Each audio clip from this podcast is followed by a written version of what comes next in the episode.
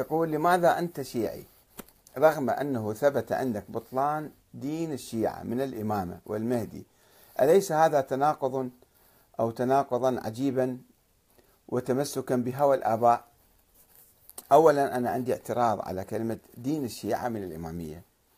الشيعة ما عندهم دين آخر الشيعة نفس المسلمين يصلون يشهدون لا إله إلا الله محمد رسول الله يؤمنون بالآخرة.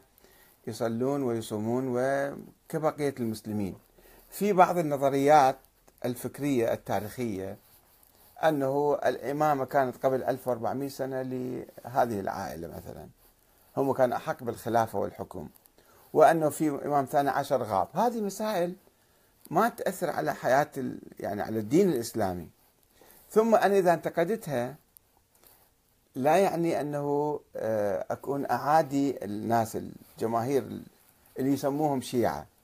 كما إذا انتقدت الفكر السني أو الفكر الوهابي لا يعني أني أعادي الجماهير السنية أو الجماهير الوهابية. إن أنا أنتقد نظريات خاطئة موجودة عند هنا وهناك. فانتقاد النظريات وما يعني أنه أنا متمسك بالشيعة أو متمسك بالسنة. أو إذا أنتقدت الافكار الشيعيه التاريخيه لازم راح أصير سني أو أصير وهابي. وإذا انتقدت بعض النظريات السنية لازم أجي أصير شيعي. ما في نوع من الاستقطاب بين الطرفين.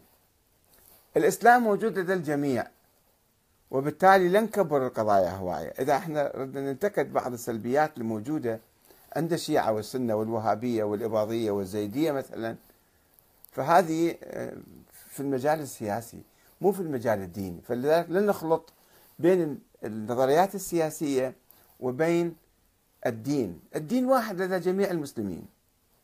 فيبدو الأخ مالك بشارة من بغداد ما فهمنا زين. ما فهم شنو إحنا وين بدنا نبحث. يعني آه، ما نشكك بدين الناس. وكما ما نشكك بدينك أنت يعني ما ندري أنت بأي اتجاه وكذا إذا انتقدناك مثلا يوما لا يعني إحنا انتقدنا دينك. دينك محفوظ في مكانه. إن شاء الله. ولكن نظريتك السياسية ما نعرف شنو هي. إذا كانت نظرية خاطئة وانتقدناها لا يعني أنك يعني انت آه، انتقدنا دينك يعني.